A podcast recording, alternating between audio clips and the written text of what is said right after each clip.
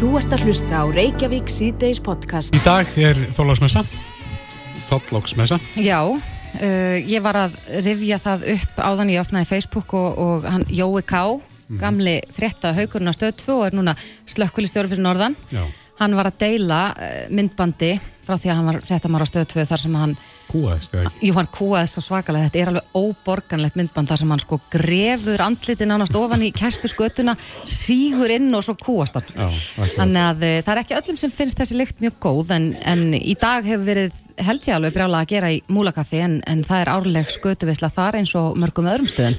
Já, skötu kongurinn sjálfur hefur staðið þar við pottana. Jóhannes Stefánsson, sæl.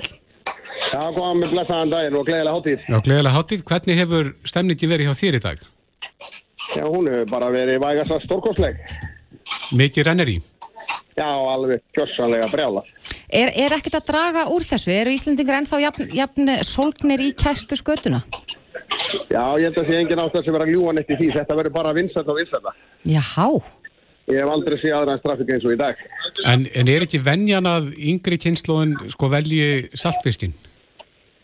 Nei, nei, ég menna að við bjóðum upp á saltfisk líka og, og bland og fólk borða sköt og saltfisk saman. Ég veit ekki, það er, það er, nei, nei, ekki trekka. Það er, það er alveg ótrúlega breið flóra sem kemur hérna til okkar á þálasvist. Já, er, er yngri kynnslóðin að koma þarna ótil neitt?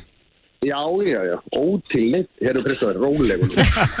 Alveg nei sko, ég, ég, ég, ég tel mig nú, Jóhannes, tilheyra svona Já. e, kynnslóð í yngri kantinum og ég gæti bara ekki fyrir mitt litla líf, sko varla þefað af þessu. Já, það bara þarf við sjálf að kenna þér fullt af leikreglum, skiljum. Það, þetta er alveg hryllilega gott. Já. En ert þú að eldana Jóhannes í, í mismöndi styrkleikum? Nei, við erum bara með ein, eina, eina, eina styrk, styrkleika bara hjá okkur. Það er, en hún er svona, hún er ekki þannig að þegar þú borðar þessu skötu að þú ge- nær missir andan. Þetta er ekki þannig, típa. Nei. Þetta- Eru einhverju sem vilja bara- það? Já, minna, jú, jú, það eru kannski þessir hörðu, hörðu vestfyrringar, þeir, þeir vilja þetta kannski. Já. En uh, þetta er bara, uh, þetta er bara bræðgóðskata og, og bara hún er góð, virkilega góð. Hvaðan, hvaðan kemur hún þessi skata sem þú ert með? Ég hef ekki hugmyndum að það er bara alltaf sami maður sem að selur okkur skötu og verkar fyrir okkur skutuna. Já. Já. En uh, ég, ég rak augunni það en á vefsíðunni hjá okkur að, að þið talið um uh, heimsfræga skötu veistlu. Hefur þetta ratað í, í heimspressuna að þið séuð eh, með þessa árlegu veistlu? Nei, nei, ég segi það alveg ekki, við erum búin að afgriða skötu í 62 ár, skilur. Það er, ja, það er alveg svo með forrand, við erum flottastir í öll. En Jóhannes, eru, eru útlendingar að koma til þín og smakka? Það er búið að vera svolítið útlendingum í dag, já. Það er svo aldrei, aldrei svart. Það er náttúrulega fullt á hótelum hérna í kring og, og við höfum séð, og það er bara búið að vera svona framan að hátegi komu tölvösta útlendingum. Já, og hvernig bregðast þeir við? Er bara sömu fyrst það gott og öðru fyrst það skrítið. Að þeir láta vað og prófa? Já, já, já, alveg. Það er náttúrulega, svo eru karteflur og róur með þessu. og Svo eru við með jólagraut og, og hrísunagraut líka. Og, þannig að það er, þetta er helgjari sérla. Já. Heldur það það sé að færast í vöxt að fólk sé að losa þetta af heimilónum og fari frekar á staði eins og til þín til þess að njóta? Já, já, ég er auðvitað er þetta náttúrulega þannig að fólk vil losna við líktina og veist það er hægt að nenn að sjóða þetta í skúrnum og það vil bara fara og, og fara og fá þetta á veitingastöðum og, og bara á kemur með fjölskylduna og það koma grúpur saman og fjóri, sex saman. Þannig að auðvitað er, þetta náttúrulega auðvitað er þetta náttúrulega miklu praktíska og þægilega fyrir fólk að gera þetta svona heldur en að vera að sjóða þetta heima hjá sér og Akkurat, en, en, líkum með líktina í húsinu allar hátíðanar já, en Jóhannes, það er nú að vera mikið að gera ykkur dag og þú ert búin að st- standa yfir þessu þannig að- að lyktin fylgist þér, fylgir þér eflaust heim. Er eitthvað lykill við það að, að, að losna við lyktina? Er þetta bara spurning um að hendi eina vel? Það er ekki, það er bara að henda, henda bara um leiðum að kemur og hendur maður í vél og fyrir góða sturtu og það var bara klár. En á staðinu sjálfum? Nei, veistu, það er svo merkilegt sko, eldursunir skrúpu bara á kvöldin og, og það, maður finnur ekki líkt með þegar maður mætir í fyrirmáli og byrjar að verka rjúpunar. Já, þú gerir ekkert sextakt til þess að flýta fyrir? Nei, það þarf, þarf ekki að gera það sko. Rjúpu, rjúpulyktin tekur þetta í fyrirmálið. Já. Þannig að það er ekkit, Já, en Jóhannes, þú sagðir þaðan að þú þurft að kenna mér þetta. Er, er hægt að Já. læra að kunna að meta skötu ef maður er nú ekki alveg upp við þetta? það held ég já. Engi spurning, ég skal taka það að mér. Þú tekur þetta að þér. Já, já, já, það Er, alveg- er ekki næstu- opið til næstu átta í kemur- kvöld, þannig ég renni bara við eftir? Já, það er mitt að mál, ég tek á móti þér alveg. Já, hún rennur á lyktina. Já, já, það er ekki neitt. Það er, uh, þannig að það, það verður ekki vandamáli. Við akkurum hérna til 8 í kvöld, alveg á flegi þær. Já, akkurat. Uh, Jóhannes Stefánsson í Múlakaffi, gaman að heyri þér, kæra þakkir og, og gleðilega hátíð. Já, gleðilega hátíð sem leiðis. Takk. Þú ert að hlusta á Reykjavík síðdeis podcast. Þess og uh, það er Þorlóksmessa að uh, jólin er á morgun og ég held að uh, öll börn landsins og líka jólabörn gleðjist þegar það er svona stutt í þetta. Já, alveg að stjalla á. Já. En það er komið til okkar gestur, Svarti Fólin. Katrín Jakobsdóttir, fórsetisráð þeirra, kom til sæl og blessuð. Já, takk fyrir. Hvernig, hvernig líður þér með þennan nýja titil? Já, ég bara gæt nú en svona hleið þegar þú nefndir þetta, þennan titil Svarti fólinn, því það er búið að stríða mér alveg ótrúlega mikið undanfatna daga eftir að það var held í Bryndís Lofsdóttir sem notaði þetta heiti og, og því voruð að segja mér að Jakob Bjarnar hafi eiginlega Já, ég held að... fundið upp á þessu. Já, ég held að Jakob hafi fundið upp á þessu og hverju ári skrifar hann pislaðin á, eða fréttirinn á vísi.is þar sem hann er að fjalla um svona jólabóka flóðið og alltaf er verið að býða eftir svarta fólunum og svo núna í vikunni þá Já, mér finnst þetta eiginlega bara besti, besti titill sem ég hef fengið, sko. það er bara þannig, sko. Þetta er alvöru. Já, En ef við byrjum að þess að tala um bókina, hún er náttúrulega í efstasæti á sölulistum. Hefur verið nóg að gera hjá því sem rítumundur fyrir jólinn? Já, það hefði geta verið meira að gera. Mm ég, því miður það er nú lítinn tíma til að sinna þessari skildu. Ég held að við, við höfum sagt, sagt, einu sinni mætt og áritað og ætlum að gera það aftur og eftir. Og uh, svo held ég að við höfum tekið þátt í þremur viðbyrjum. Það var nú allt og sömt, sko. Eh, Var ekki röð að fá áritun? Jú, og bara spjalla og alls konar. Þannig að það var, hérna, það var virkilega skemmtilegt. Og Hvar, hvar verðið það eftir? við verðum í Eymundsson í Östustræti núna eftir. Já, klukkan. Ég, bara eftir hálftíma, klukkan 5. Já. Já, já, já. en þegar fólk er að koma til þín og fá, fá áritun á bókina, er, er, er fólk að blanda pólitíkin inn í það? Já, ne, veistu, mér finnst nú bara alveg ótrúlegt að því ég var nú bara mjög efins, ef satt skal segja, bæðum að þessi bók væri nógu góð til útgáfu og, og hafði áhyggjur af því og svo hugsaði ég kannski með fólki nú finnast þetta bara tóm vitleisa en fólk hefur verið bara ótrúlega jákvætt og hérna það vita þetta allir að ég hef rosalega áhuga á bókmentum og glæpasöm og ég held að sko það er alveg ótrúlegt hvað mér finnst allir hafa tekið þessu vel meiri segja þeim sem finnst bókin ekkit sérstök segja að það er bara frábært einhvern veginn að vera að rækta þessa skapandi taug Mm Og allar að gera meira af þessu? ekki bráð, Nei. kannski setna en ekki bráð, þetta var var- nú heilmikið verkefni, þetta tók langa tíma þannig að hérna, nú ætla ég bara aðeins að Og þá ennur glæpasaga? Já, ég, sko, mér fannst þetta skemmtilegt að skrifa glæpasögu. Ég hef náttúrulega skrifað lokaritgerina mína í íslensku í gamla þetta um glæpasögur og hérna hef lesið eiginlega flestar íslenska glæpasögur sem hafa komið út.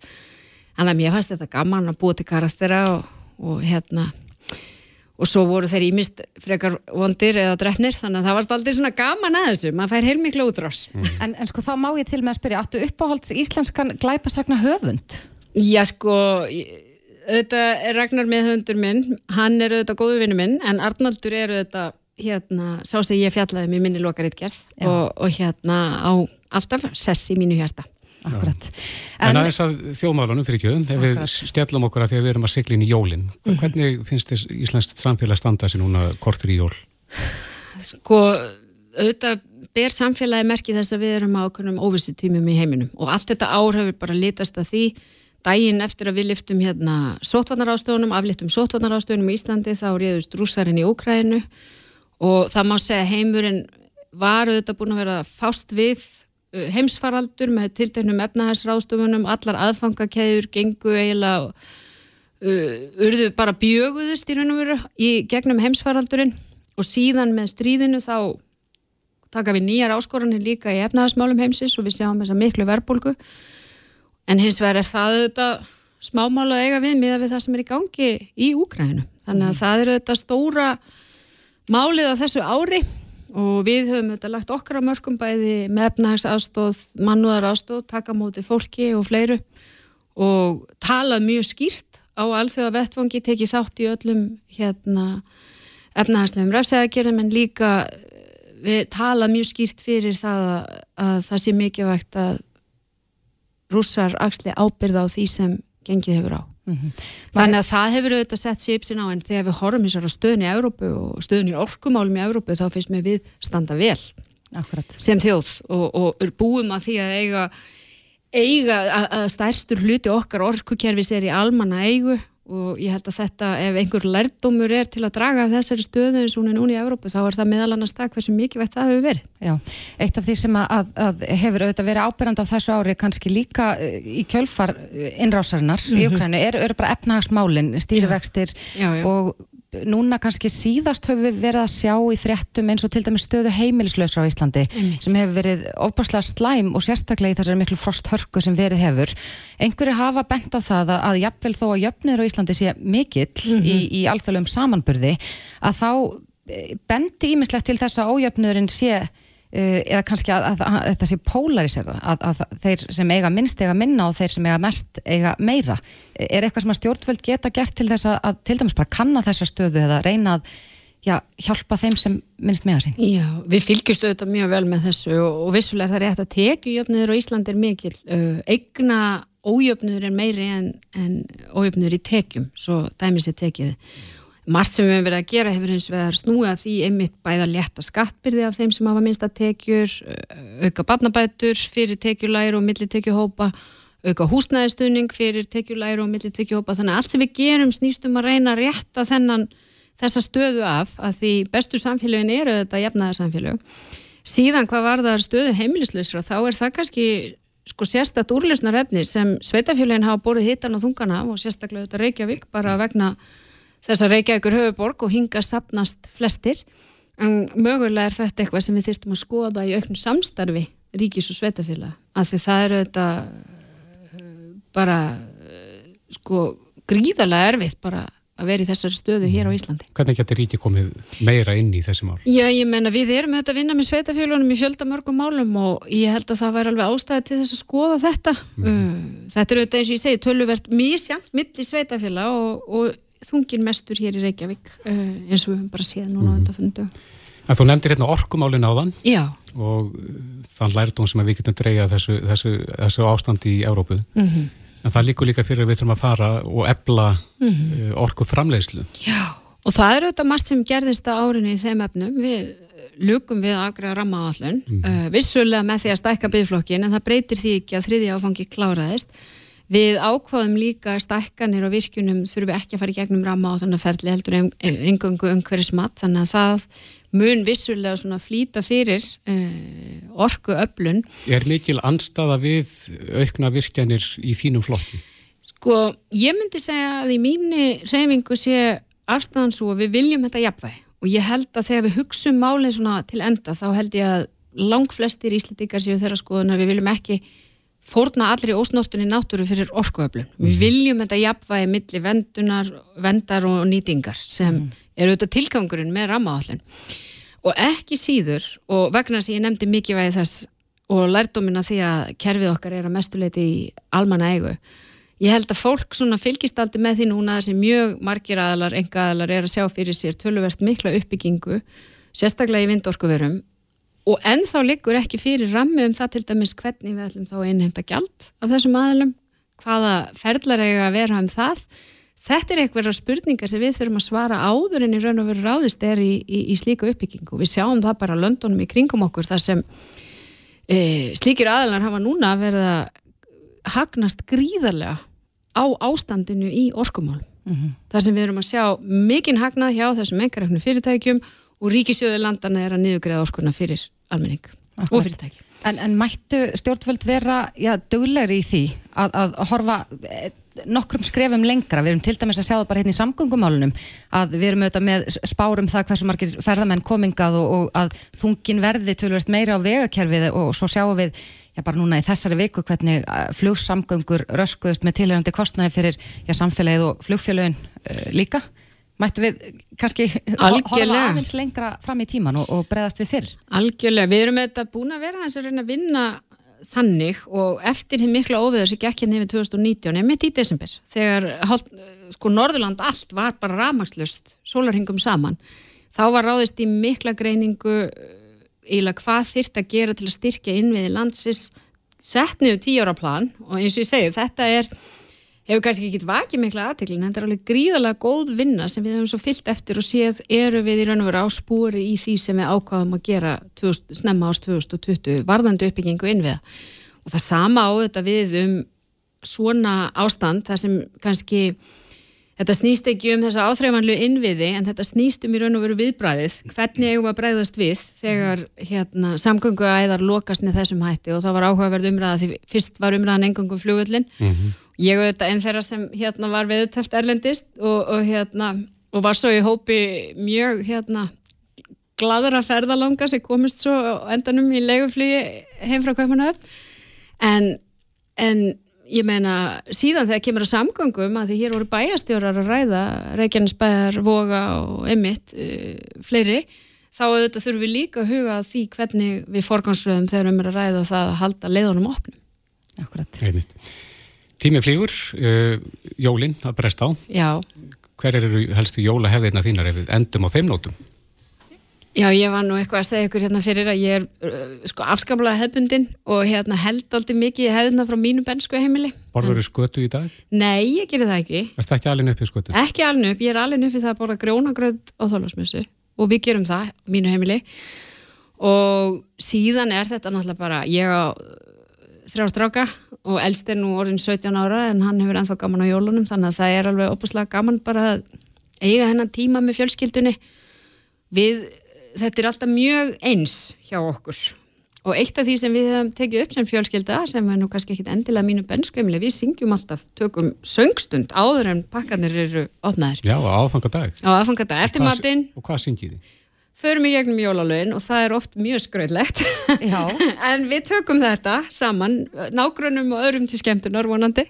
Með, með undirspili? Já, já, þeir, hérna, þeir spila á gítar og, og hérna Músikalsk fjölskylda sem sagt? Ég, nei, nefnir ekki sko, allavega ekki ég sko og ekki, og ekki maðurum minn en við, hérna, strákarnir hafa reynst músikalskari mm -hmm. þannig að þetta er alltaf frábær stund rosalega gaman að syngja saman Það er mjög gaman að syngja Já. saman, ég held að maður ætti bara að gera meira því en, en, en ertu búin að öllu fyrir jólinn, búin að kaupa á pakkin öllum jólagjónum og hvernig nei, hefur fórsett svo að vera tíma til að, að skipulegja jólinn? Þetta er alltaf algjörlega einhver manja síðustu dagana þar sem hérna Ég maður er á hlaupum, ég til dæmis mun núna að fara og græja eina gjöf sem glimtist, þannig að ég er á leiðinni að fara að græja hana. Þú fær bara í, í, í bókabúðuna?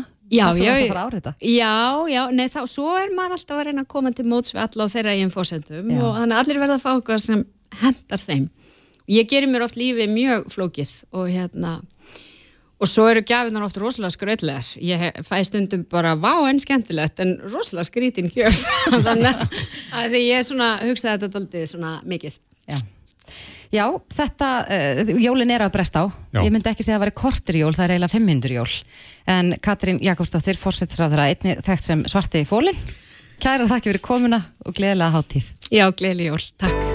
Þetta er Reykjavík C-Days podcast. Þarna hefur við brota brota því sem við vorum að gera í vikunni. Já, mikið búið að vera að gerast hérna í vikunni. Já.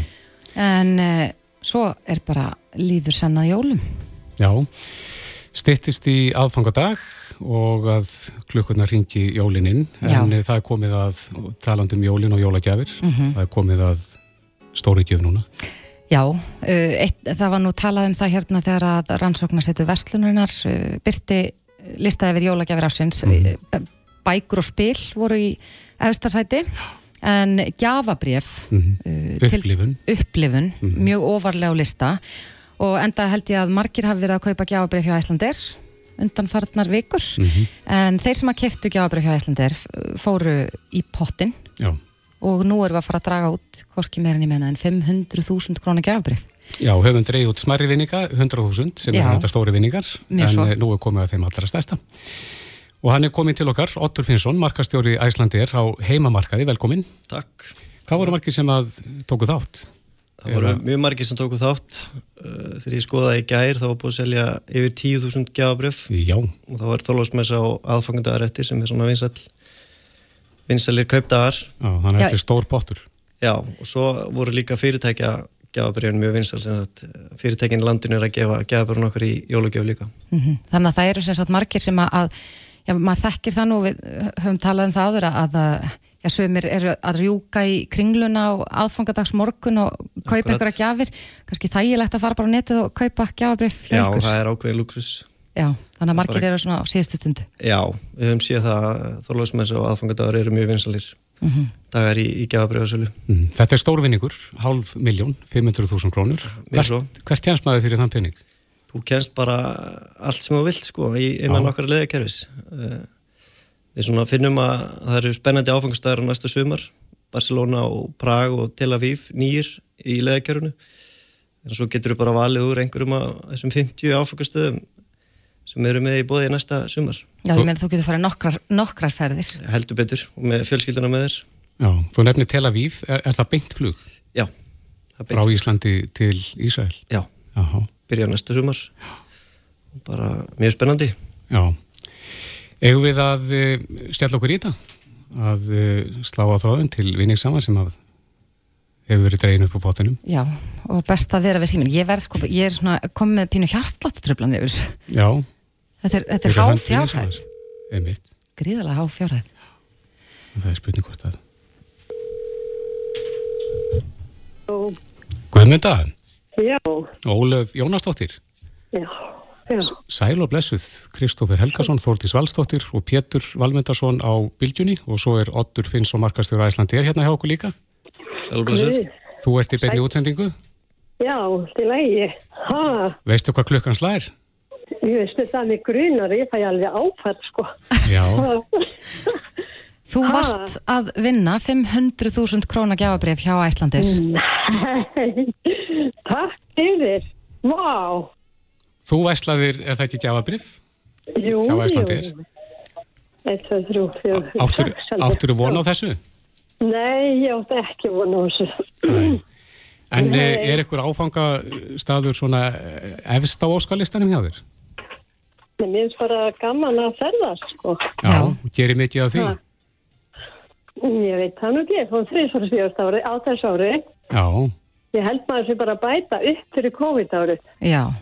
En hann situr hérna hjá okkur, Ottur Finnsson, markastjóri Æslandir á heimamarkaði. Þú getur nú, já, fengið eitthvað ráðleggingar rónum að hann lítur að þekka leiðakerfið ansi vel ef þú ert, já, forvitunum Já. eitthvað áfangastæði.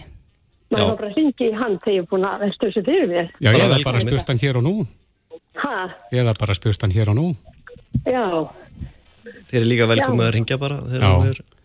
þú já, ég held að ég sé bara ekki neinu. Nei. Hann sagði hérna við okkur áðan Guðmund að einn af nýju áfangastöðun með Tel Aviv í Ísrael hefur komið Já. þangað Nei, nei, það væri æðislegt. Já, Og svo getur við líka farið síðastu sumar voru Nýs og Róm slói í gegn og þeir vera aftur næsta Já. sumar. Og svo Barcelona og Prag næsta sumar. Já, En hvert fórstu á þessu ári? Þú fórst þrísvar segir út. Já, ég fór eins og til færi að reyndar og hérna á sundmót og hérna hittum við, það var í, ég hótti Danmörskur, Já, til Kaupanna Hafnar í september. já, eindislegt Það var í nær tíu daga, Já, það var í mitt með Æslandir. já, já.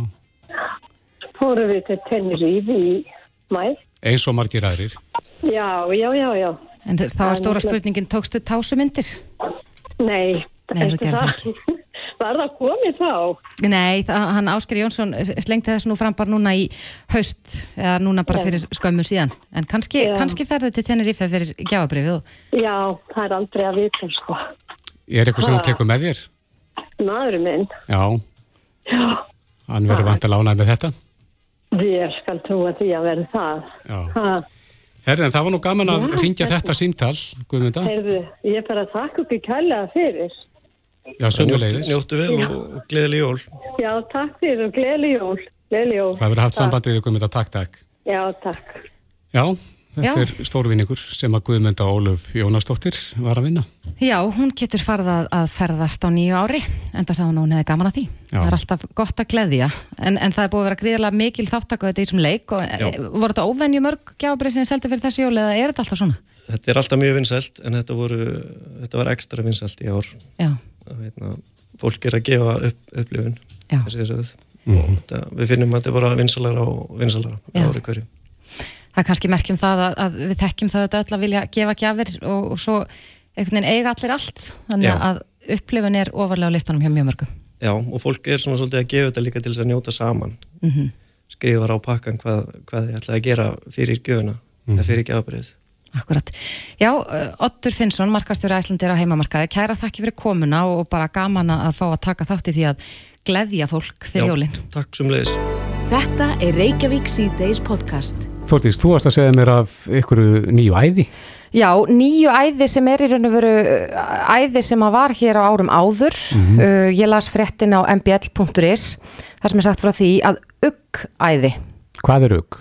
Um, ugg eru skór, þetta er ástralst merki, þetta eru kuldaskór og þetta eru svona eins og hérna uh, þetta eru ger, gert úr, úr lambaskinni Þetta er svona rúskin. Já, loðnir að innan, rosalega hlýir og mjúkir og, og sléttir að utan með góðum sóla. Og þetta var svakalega mikið í tísku í kringum aldamótin, það var- bara önnur hverja manneskja í uggskóm Er þetta kuldaskór? Já, rosalega hlýr og eru svona eins og hálfgerða bomsur. En uh, ég man nú alveg eftir því þegar ég var uh, svona í kringum aldamótin hverju þá í, í, í, á fermingaraldri að þá langaði mér svo svakalega mikið í svona augskónum að þetta er, þetta er ekki ódýri skór. Þannig að já, fóldrar mínir tímdu ekki að kaupa svona handa mér. En þannig að ég fekk eitthvað svona, eitthvað svona knock-off útgáfu Já. af augskóm sem voru reynda bara algjörst drasslur ykkur plasti. En allavega nú eru 200 manns búin að skrá sig á byðlista eftir þessum skóm Já. En, hér á Íslandi. En síðan urðu þessi skór hallarislegir eða ekki? Jú, ég, það uh, var náttúrulega bara frekar langt tímabil þar sem það þótti alls ekki cool að vera þessum augskóm Nei. og þetta kannski sannar svolítið það sem oft hefur verið sagt að tískan fari í ringi og ég hef nú einhvern tímann heyrt fl- fleygt fram kenningum um e- e- einhver svona 20 ára kenning á Já. 20 ára fresti komi hlutin aftur í tísku En hvað segir eh, tísku gúrúin Sör Arnar Gauti Sverjason um það? Er, er þetta rétt? Förum við í 20 ára ringi? Er, þetta er bara, þetta er mjög skemmtileg samlíking sko, Já. en þú veist, það er margt til í því, það verður að segjast. mm Við, Hérna, það var náttúrulega bara, eins og, eins og ég sögði, þetta var bara hálfskefla hérna áður með aukið sko. en, en það er líka margt annað ef maður horfir sko 20 ára aftur í tíman er nú ímislegt sem ég er að, að sko vona að komi aldrei aftur í tísku en, en já, í kringum aldamótin þá þótti mjög flott að vera í, í til dæmis útvíðum gallaböksum og, og, og það er nú alveg komið inn aftur en, og við erum líka að sjá kroks sko í tísku aftur Guð hjálpa okkur með það. já, Hérna, þetta er rosalegt með krokkskona, það verður að segjast. Krakkarnir eru alveg að missa sig í krokk, sko. Ég, ég er búin að ná því að að mínir, mínir strákar er búin að sigla hérna undir. Þetta er ekki ennþá komið algjörlega í Varsandarskóla og, og þar sem strákarnir eru. Mm. En ég veit að það er ákveðin sveitafélag eins og sko Garðabærin og, og krakkarnir allir þar.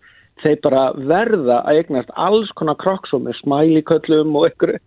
Ég er ekki að ná þessu sko. Nei, hvað er það sem að veldu því að hlutir fara að komast aftur í tísku? Hvað, hvað gerist?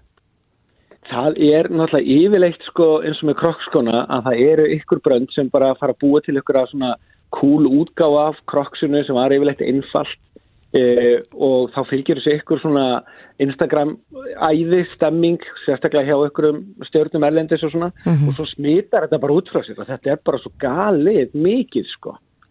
akkurat Það já, ma frábært. En Ég held að maður þurfi oftast ekkit mikið meira heldur en bara að einhver ein stórstjarnar, ég meina, tökum bara Billie Eilish sem dæmi sem er mjög vinsæl hjá ungu kynsluðinni, ef hún væri kroks, þá vilja allir verið kroks. Já, ég meina, eigum við nokkað að ræða samt líka æðið hjá krökkarum ef við bara, þóttu allum ekki ræða það mikið þar en præmdrykkurinn sko, Já, veist, þetta er náttúrulega bara einhverjar stjörnur sem búið til drykk en ég meina, en því endur því degi er þetta svo Powerade sko, en hérna, þú veist, þetta er bara branding. Og hérna, aukskotnir, þetta er náttúrulega geggjaðir skór, þægilegir og allt það, en þeir voru vinsæli fyrir mörgum árum sko, Já. þannig að magnaða fréttir, 200 manns á bylista, Já, er eitthvað annað svona sem er dottið inn á ratar sem að, sem að er að komast í tísku, sem þú spáir að ver, verði tísku vara? sko, ef við tökum aðeins, ef við bara höldum okkur í skófatnaðinum, það, það er endar eitt skór sem fenn á aldrei úr tískan, það er mismönda hæbjórn, það er bara klassíski timbilandi. Mér finnst það alltaf bara geggjaður skór, sko. Og ég er ennþá að nota timbilandi við bara armibuxur og gallabuxur og svo leiðis. En svo ertum við múnbútsir líka, sko. Það er líka sjóðheitt núna, sko. já, ég hef séð frekar marga í bara þess vegna sko gildum eða silfurlituðu múnbút sem eru, í bara nánast eins og kottar utanum fætutna. Já, þeir voru í tísku sko á, á nýjunda áratögnum, 80 og Já. kannski fjögur, fimm er það ekki? Munið þetta, Kristó, í alveg Já, já, já, já. Þetta, var, þarna- þetta var rosalegt á síðan tíma Akkurat. og þetta er dottið inn, silfur, gull og, og þú ert bara eins og sért á leiðinu í skíðaskáli Östuríki, sko, en þú ert bara á laugaveginu með henni kringlu, sko. Akkurat. En, en eh, nú velti maður því fyrir sig vegna þess að ég heyrði það til dæmis um daginn að eh, já, ungt fólk í dag eh, þau líta á það sem er mjög miðaldra eins og, Já. eins og þau orða það að vera í til dæmis þröngum gallabuxum. Að það þykir mjög miðaldra. og, og ég fór að hugsa, hvað með góður, ég vil nú ekki uh, líti út fyrir að vera miðaldra, það væri skelving, Já, en, en þetta er líka bara alveg sko, svakalega dýrt ef maður ætla bara að fara að endur nýja fataskapin á, á nokkur ára fresti vegna þess að já, tískur straumarnir eða tískur risarnir segir manni að vera á einn hátt en ekki annan. Já, nú er þetta orðið pínu svona, svona hvað daddy fit, þú veist, þetta er meira bara svona beintir í lagst. Mm -hmm. Slimfitið er svona, já eins og segir, ég er endar fíl alltaf high waist slimfit, sko, og er ennþá þar og, og lí og lífas og þar eru þar góðir, en, en það er samt orðið eins og segir hjá yngri kynnslöfinni og þú er kannski að fá skamtinn frá börnunum og dætrunum eitthvað, þú veist, en núna hérna er þetta orðið svolítið líðra. Ég Kona mín er ekki aðna, Berglind er meira svona í slimfitt og, og elskar það áfram, sko, ég, mér finnst þetta sniðin ekki gera neitt fyrir, fyrir konur á, á færtusaldri til dæmi, sko. Nei, þessar, Mér- þessar svo kolluðu mömmu gallabuxur sem eru já, svona hólkvíðar margar hverjar. Nei, akkurat, mér, finnst það ekki gera neitt fyrir það, sko, en, en aftur ef við tökum hérna stjörnuna sem mynd, myndist á, Billie Ellis og svona, Já. þú veist, miklu flottar en alltaf í ykkur svona lúki og þau eru öll í ykkurum víðum hættupissum og ykkur svoleið, sko. Mm. En, en að því að þetta kemst allt í tísku afturarnar, eigum við að geima fötin? Já, ég ætla að segja það, Já, alveg klárlega. Í 20 ár allavega. Já, Það kannski- Ég er eitthvað að vera að segja, ef, ef við tökum fötin sem eru svona klassik, af því ég náttúrulega elska klassik og, og Heritage, e, þegar Paris mín sem var fætt 2004, hún eignast mikið á svona skemmtilega fallegum bandafötum. Mhm. Núna á ég Ævi sem er tveggjara, hún er að nota fötin hennar Parisars. Já. Og svo náttúrulega þekkist það að börnin er að fá gömul föt á fóreldri sínum sem að þetta stindilega aftur í tísku. Já, Paris til dæmis stóttir mín, hún á einar gallaböksu þegar ég og Gunni vorum með GK, þá var sko Helmut Lang painted jeans, þetta voru gallaböksu með málingarslettum, uh, rándýrar á sínu tíma og þjótt alveg geðveikar Paris á þær núna, hún er alltaf í hann sko. já, þannig að það er kannski fyrir þá sem að, að hafa ráð á slíku að geima fötin en ekki fara með þau beint í, í næsta rauðakróskam. Já, svona inn á milli, svona einhverja skemmtilega hluti, þú veist, en við elskum náttúrulega líka að gefa það sem er svona, getur hjálpað öðrum náttúrulega, en, en síðan náttúrulega er, ef við tökum hérna íþróttagallan, ég hef ekki séð annað eins æði núna síðustu tvö ár af úlingunum að kaupa Já, basic íþróttaböksur og hettupessur í, í herragarðinum og, og hérna þar, það bara, þeir bara fylla búðina og það er allir í Ralph Lauren sem er náttúrulega bara heritage og klassík vara, sko. akkurat. Það er finnst mér einhvern veginn algjört æði núna hjá úlingunum, sko. Já, ég Og man að, ég var sjúki að eiga smetlubuxur. Eru þær komnar aftur? Svona sem þetta smetla skálminni alveg hérna upp og niður. Já, nei, það er, að vona til að það kom nokkuð eftir að Nei, ég held að við ættum bara að óska þess að, að svo verði ekki. sammála, sammála. Já, herði, það er ljóst að tískan fyrir ringi og spurning hvort að þetta, þetta uh, þessi 20 ára kenning eigi við. Við heyrums bara aftur að 20 áram liðnum og sjáum hvort að, já, þessi föt sem er í tísku núna verði ekki, Já, Komin aftur þá. Við verðum, verðum öll fersk þá, heyrust þetta 20. já, kannski fyrr, en Sver Arnar Gauti Sverrisson, kærar þakki fyrir þetta og gleðilega hátíð. Við viljum skilja hátíð, sko með bæ. Reykjavík síðdeis á Bilginni podcast. Eins og fram hefur komið og ég held að flestir vitu nú að það var Þorlóksmessa í dag. um, hér á árum áður var nú gríðarlega vinsælt að versla jólagjafirnar á Þorlóksmessu. Já. Ég fæ svona smá hjartslátt að trublanir við, við að hugsa um það að fara einhvern veginn að kaupa í dag og pakka inn og koma sín, uh, sko, á sína staði.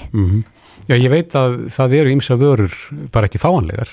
Nei, það er eru alls konar hlutir sem að reynilega seljast upp og já, mér finnst þetta svona óþarlega mikið jólastress en, en svo er, reyndar hef ég oft heyrt af því að að það eru sumir sem sko kaupa allar gjafirnar að pakka inn inn en eiga svo eftir einhverja eina Já. sem þau kaupa á Þorlagsmessu það er svo sem allt í lagi mínum, eða hljómar allt í lagi mínum erum. Já, já, en svo er það líka þeir sem að það hefur verið skemmti efni í fréttum á aðfangadag að sjá sérstaklega karnen á harða hlaupum. Já, að reyna að finna eitthvað. Já, áðurna búðurna loka.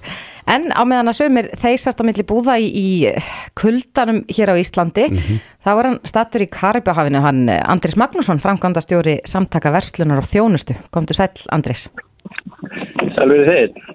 Já, við, við öfundum þig og þetta svo litið að vera í, í góðu veðri og, og góðu yfirlæti uh, erlendis. En, já, já, það, við líður ágætlega sko, en ég hugsa mikið heim hins vegar sko á þessum degi. Já, þú ert með puttana púlsinn, með hvernig hefur veslunin verið núna í desember mánuði? Já, hún hefur bara verið á gæt sko og við náttúrulega mælum þetta og öllu heldur rannsóknar heldur vestlunar mælir þetta mjög nákvæmlega og það tölunum mun ekki byrtast fyrir svona 15 til 10. janúar mm -hmm. en það sem að vísbendingi sem við höfum þegar sko fyrir november og, og, og, og það sem að vera ári alveg fram í lok november ég hefur uh, að gefa ákveðis vísbendingar um að jólavestlunin verði mjög góð Það er jú þannig að stærri og stærri hluti hinn að svo kvöldu jólavesluna hefur fæst yfir í november undanferna ári raun og veru með tilkomu þessar stóru alþjóðlu viðskiptadag sem allir vita hvað heita. Mm -hmm. Og bara svona sem dæmi um það hvernig þessi þróun hefur verið, sko bara fyrir 34 árum var, var 40% meiri veslun í desember en november. Jáhá. En uh, nú bendir allt til þess að þessi muni sé engungu 20%, þessi engungu 20% meiri verslun í desember en november. Það segir það að stærri og stærri hluti af þessari hefbundu, þessum hefbundu viðskiptum á þessum árstíma sé að færast yfir á þessar stóru alþjóðu afsláttardag. Akkurat.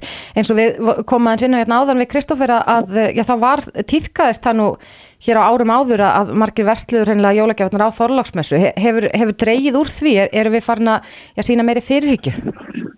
Ég held að ég, við Íslendingar séum volnir mun fórsjalli en kannski feður okkar og, og sérstaklega feður okkar sem er voru hérna á árum, árum áður að afgræða þetta í hérna einhverju stresskasti sent og þálega að ég held að þeim tilfellum færi nú fækandi. Já, gamla hugafæri þetta rettast. Já, ég menna það er alltaf, uh, það breytist ekki, það er alltaf mikið stemning í því að fara sérstaklega miðbæinn á þessum, á þessum uh, ástíma og ekki síst á þessum degi, það er alltaf miðbæinn er uh, hérna það er stemningi yfir því að fara í miðbæðin á þessum tíma og það hefur ekkert breyst og ég held að veðrið sé alltaf þannig heima núna að það sé alveg góða líkur á því að það veri mikil stemningi miðbæri Reykjavíkur núna á tólasmessum. Já, þetta er bara hluti af jólahefðinni hjá mörgum. Þetta er algjörlega hluti af jólahefðinni, fjölskyldu fara saman, fara út á borða og kannski taka síðustu jólagefina svona í leðinni. Já, þannig að þetta er kannski orðin stærri dagur fyrir þjónustuna frekar heldur en verslun, verslunina uh, vegna þess að, að ja, kaffihúsin fyllast fljótt. Já, það er okkur tannig, sko, ég held að sko, uh, mjög marga fjölskyldu stíli einni emitt inn á það að vera búin að þessum hefðbunda jólainkaupum áður en þessi dagur rennur upp og, og, uh, nota þá þennan dag til að ja, það sem kallaði bara njóta. Já. Auður Alfa Óláfsdóttir verkefnastjóri verðlags eftirlits ASI kom til okkur í djær og fór aðeins yfir e, nýja könnun eða rannsókn af þeim sem að sínir að margar vörur hafa hækkað töluvert á meðan að sumar hafa lækkað. Hvernig sér þú þróunina fyrir þér næstu mánuði? Já, það er náttúrulega bara þannig að sko við erum að horfast í augu við í hérna fórtarmalöst ástand hvað það varðar. Við erum að glíma við verðbólku ekki bara á Íslandi. Verðbólku á Íslandi eru ennum verið minni enn í samanbörðurlandunum. Uh -huh. Við erum að stóru hluta að glíma hérna við innflutta verðbólku sem helgast af því að, að verðlag, innköpsverið vöru frá erlendis frá hefur hækkað gífulega og það skila sér óhjákvæmulega með einhverjum hætti inn í Íslands verðlag þetta er uh, búið að vera þróunin alltaf þetta ár og er, er sameil, á að vera sameinleitt markmið okkar allar að vinna að því að ná þessu niður. Við erum að þessu leiti betur sett en margar nákvæmlega fjóður okkar sem er berjastu orkukreppun á þeim Já, ég vil segja hreikallu afleggingu sem uh, orkukreppun er að hafa vísvegar í Evrópu og ekki síst á fyrirtæki í þessum greinu sem við erum að geta halsmunna fyrir vestlum og þennustu. Mm -hmm. En þú segir að við þurfum öll að hjálpa stað. Hver er besta leiðin til þess? Já, það er bara, uh, sko, ég, uh, það er alveg klart að Vestlunum er leggja að sitta mörgum til þess. Það er, uh, við hefum komið fram ídrakaði viðtölu við fórsvarsmenn Vestlana í rann og verum að þeirra markmið sé að draga eins mikið úr verðhækunum og hægt er. Ég held að mér fullir að það stór hluti Vestlunar hefur alls ekki hleyft út í verðlægin öllum þeim hækunum sem á, á fyrirtækjum fyrirtæki Vestlun, Vestlun hafa dunið að, á undarhaldum mánuðum. Já, akkurat. akkurat. Eh, Andrés Magnússon, frangvöldastjóri samtaka Vestlunar og þjónustu, við sendum bara hlýja ströyma eh, í Karibahafið. Kæra þakki fyrir þetta. Og... Ég sendi, ég, ég sendi hlýja ströyma heim uh, á móti. Gleðilega hátíð. Gleðilega hátíð sem leðist. Takk. Reykjavík síðdeis á Bilginni podcast. Þortið, þú sagður á þann að þú hefði verið í Bíkó. Já. Og tekið eftir því að var, heitasta varan þann daginn sem að þú varst var skopla. Já, mér fannst þetta eiginlega bara svona hálf spauilegt vegna þess að ég, ég satt út í bíl og, og bara fyldist með fólki koma og fara mm -hmm. og það var nánast hver einasta manneski sem gekk út úr bíkó með skoblu. Já, og fólk hefur verið að hvert undan ónægum mokstri hjá eh, sveitafélaginu, þannig að fólk hefur verið að grípa sjálft í skobluna. Já. En ég hef heist í mörgum sem að hafa farið offari við moksturinn og, og eru með verk í mjóbæki. Mm og uh, já það er spurning, erum við bara beit okkur vittlust eða, eða er þetta bara einhvers konar verk sem við erum svo óvönað mm -hmm. að vinna já. að það fari illa með líkamann? Já og getum við beitt okkur öðruvísi til þess að fyrirbyggja? Til þess að svara öllum þessum spurningum er hann sestur hjá okkur, sjúkra þjálfarin Magnús Birkir Hilmarsson, kontur sæl. Sæl.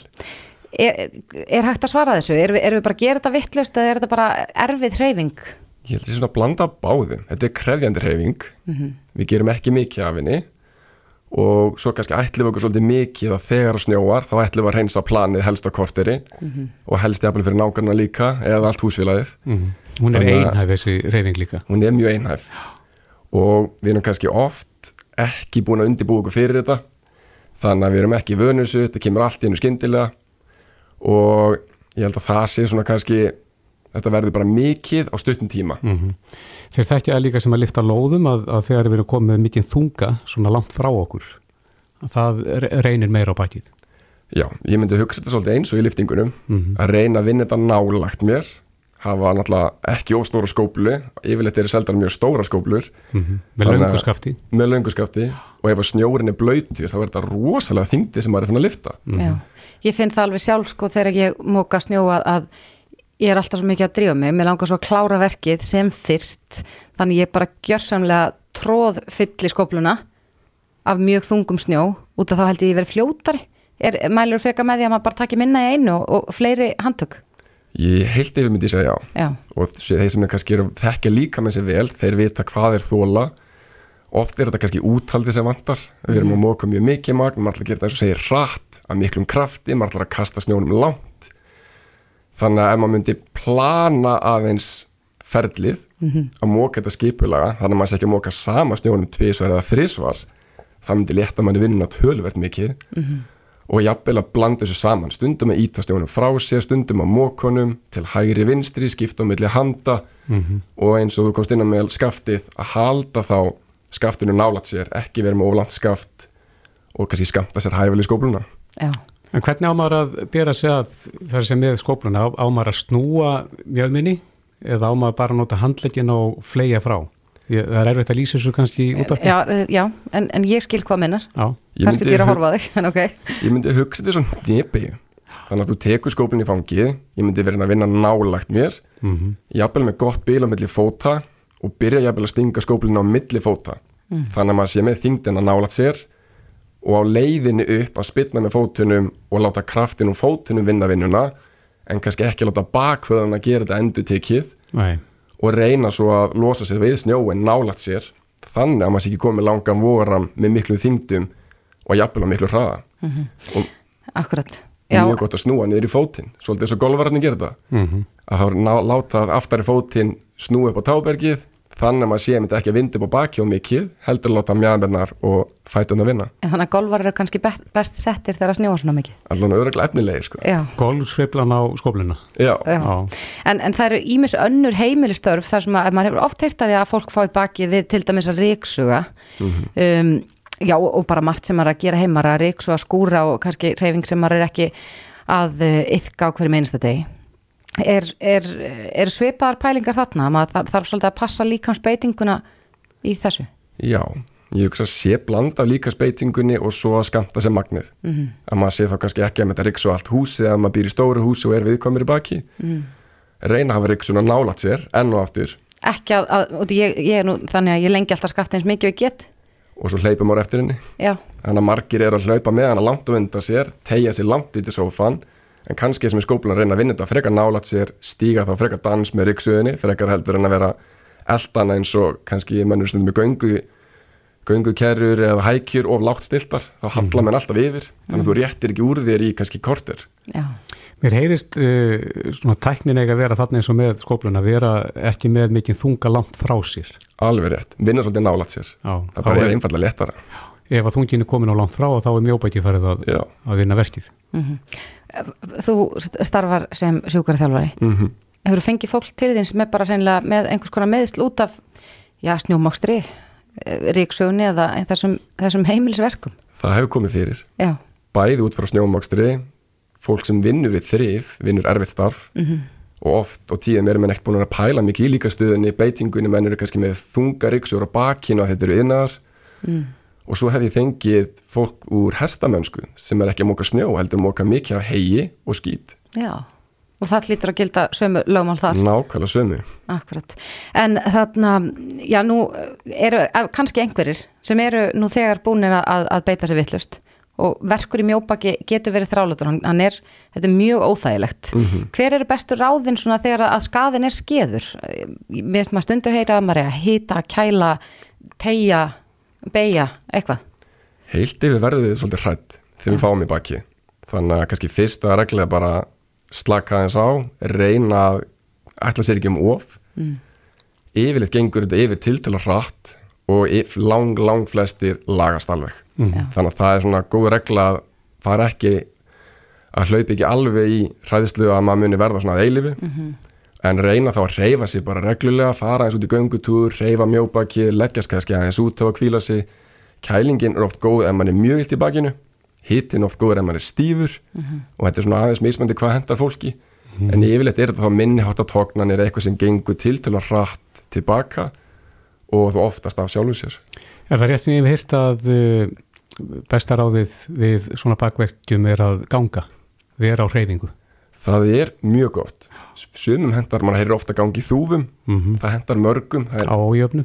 Já, Já. venjuleg ganga á Malbyggi kannski svolítið einhæð fyrir suma, hann er sumi stýpnaðis við það mm það er búið að sína fram á að þú styrkir hryggin á þeim með göngu og skokki mm -hmm. þannig að þú ert raunverulega að byggja upp hryggin á þeim með göngunni mm -hmm. og síðan er það gott að gera kannski einhverjar veldur eða fettur þegar þú liggur út af eða krýpur á fjórum fótum eða þú ert stíf eða stífur í baki Er verst að sitja? Til, í mjög miklu magni mm. Setan fær kannski oft svolítið mik mikinn dóm á sig að þeir, þeir sem hafa keirt til akkurærar eða í fimm tíma samfelt og standu búr bilnum maður finnur að manni líður ekki sem þessi tvítugur. Nei, nei, nei En kannski ef maður brítur þetta upp og stendur upp reglulega stoppar aðeins og tekur göngutúrin í staðskála á leginn til akkurirar, þá finnur maður alveg munin. Tegja á rassvöða og aftanlæri svöða? Mjög gott að fá bara hreyfingu. Tegjur, fetta sig, beigja sig, liðka sig kannski ala bara að vera ekki með þetta lifta mjög þung ef maður er viðkomur og styrður akkurat og meðan mm -hmm. en að svona bara fá mjúkar hreyfingu hreyfingin er smörning Akkurat. Já, Magnús Birkir Hilmarsson, sjúkraþalvari, kæra þakki fyrir komuna. Ég vona að þetta gagnist einhverjum sem hafa verið að mynda skópluna síðustu dag. Takk. Gleðilega hátíð. Gleðilega hátíð.